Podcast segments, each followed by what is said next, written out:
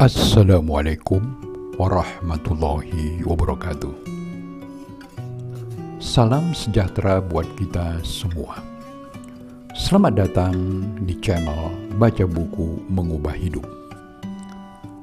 Pada kesempatan kali ini, kita akan membacakan sebuah tulisan dari buku karya Allah Yarham Kiai Haji Dr.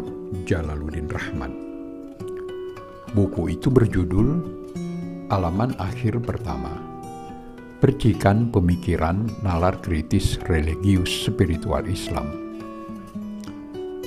Kita akan membacakan tulisan bagian ke-6 dengan judul Ihwal Fitrah.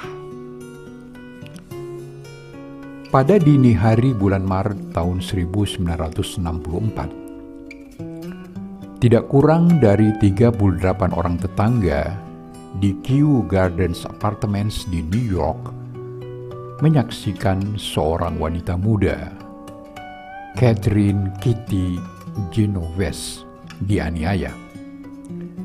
Penyerangnya, Winston Mosley, memerlukan waktu 30 menit untuk membunuh korbannya. Oh my God, ia menusukku, Tolong, ia menjerit-jerit. Tidak seorang pun menolongnya. Bahkan, tak seorang pun mengangkat telepon untuk memanggil polisi. Berita itu menjadi berita utama di banyak koran di Amerika. Para pakar ditanya, mengapa tetangga bisa cuek begitu? Seorang psikiater mengatakan, Pembawaan manusia memang begitu, senang menyaksikan orang dibunuh. Seorang sosiolog berkata, inilah akibat alienasi masyarakat kota.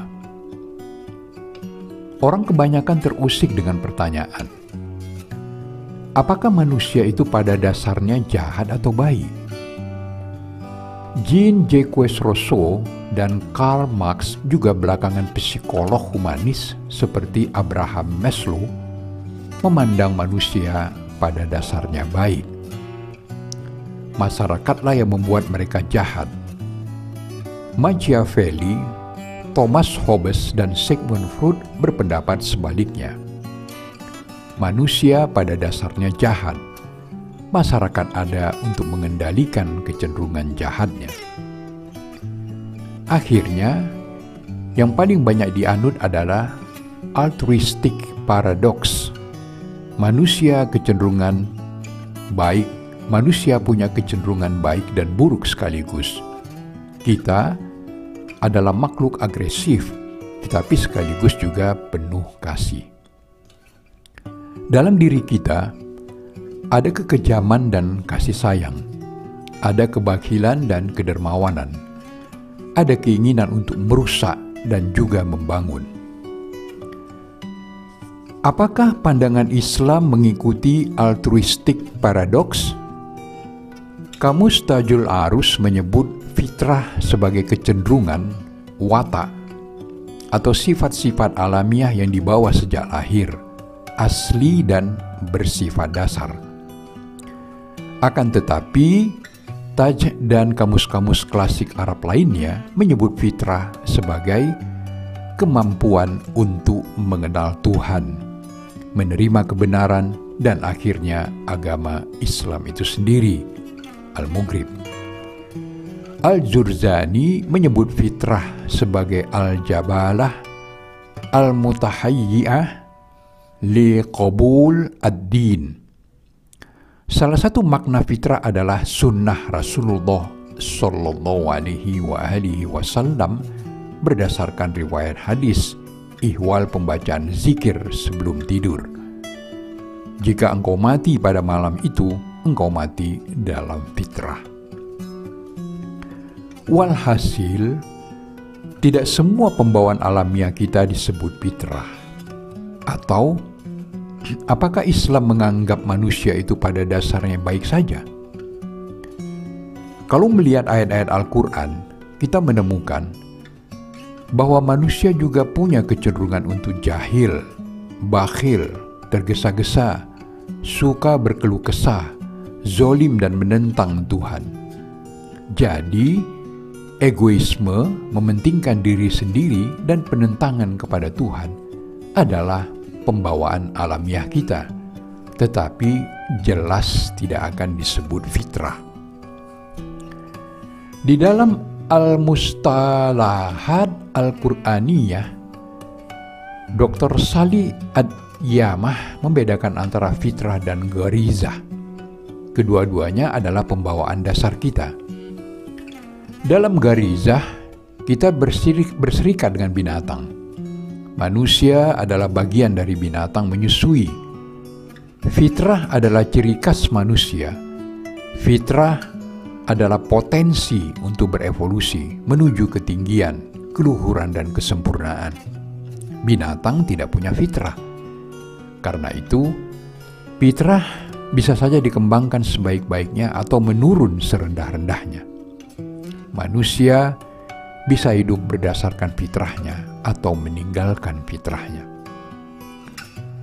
Maslow menyebut fitrah sebagai inner nature Berbicara tentang fitrah, ia berkata, Alangkah baiknya kita mengeluarkan fitrah kita dan mengembangkannya, dan bukan menekannya.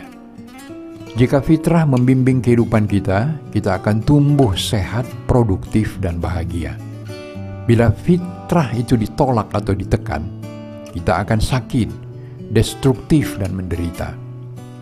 Fitrah kadang-kadang melemah karena kebiasaan buruk sikap yang salah, atau tekanan kebudayaan, tetapi fitrah tak akan pernah hilang. Menurut Maslow, salah satu fitrah kita ialah kecenderungan untuk mencintai dan dicintai, menyayangi dan disayangi.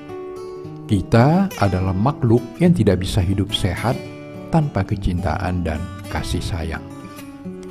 Anak yang kekurangan kasih sayang akan rentan pada penyakit fisik dan mental, sulit menyesuaikan diri, dan perkembangan kecerdasannya terhambat. Orang dewasa yang tak bisa mencintai dan dicintai akan kesepian, merasa frustrasi dan demoralisasi. Orang egois yang mementingkan diri sendiri tak pernah bisa bahagia. Ia mudah kecewa gampang tersinggung dan sering terobsesi oleh hal-hal yang menyakitkan.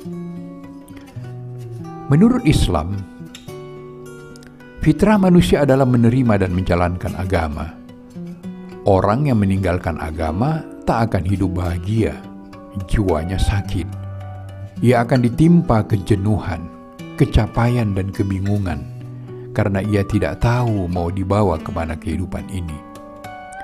Musibah kecil saja bisa memporak-porandakan seluruh bangunan hidupnya.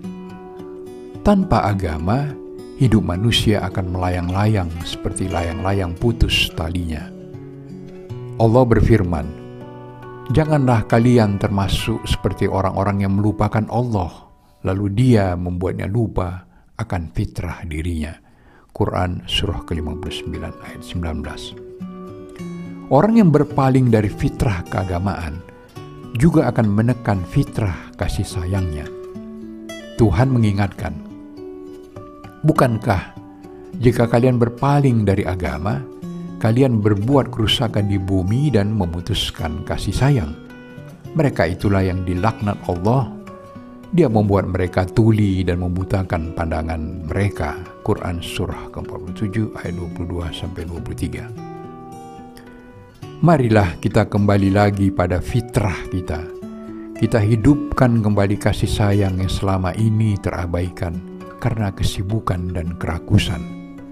Kita dekati lagi Tuhan yang selama ini kita lupakan kehadirannya. Dengan menggunakan kata-kata Rumi, di atas jalan fitrah kita sudah menanam semak berduri. Semak itu sudah banyak melukai orang lain, juga diri kita sendiri. Dalam suasana Idul Fitri, cabutlah semak-semak itu sekarang juga. Rumi berkata, Ambillah kapak dan hancurkan semak berduri itu dengan jantan, seperti Ali menghancurkan benteng Khaybar, atau gabungkan semak berdurimu dengan rumpun mawar. Gabungkan cahaya kekasih Tuhan dengan api nafsu, agar cahayanya memadamkan apimu, agar bergabung dengannya mengubah semak berduri menjadi rumpun mawar. Bila taufik walidayah. Wassalamualaikum warahmatullahi wabarakatuh.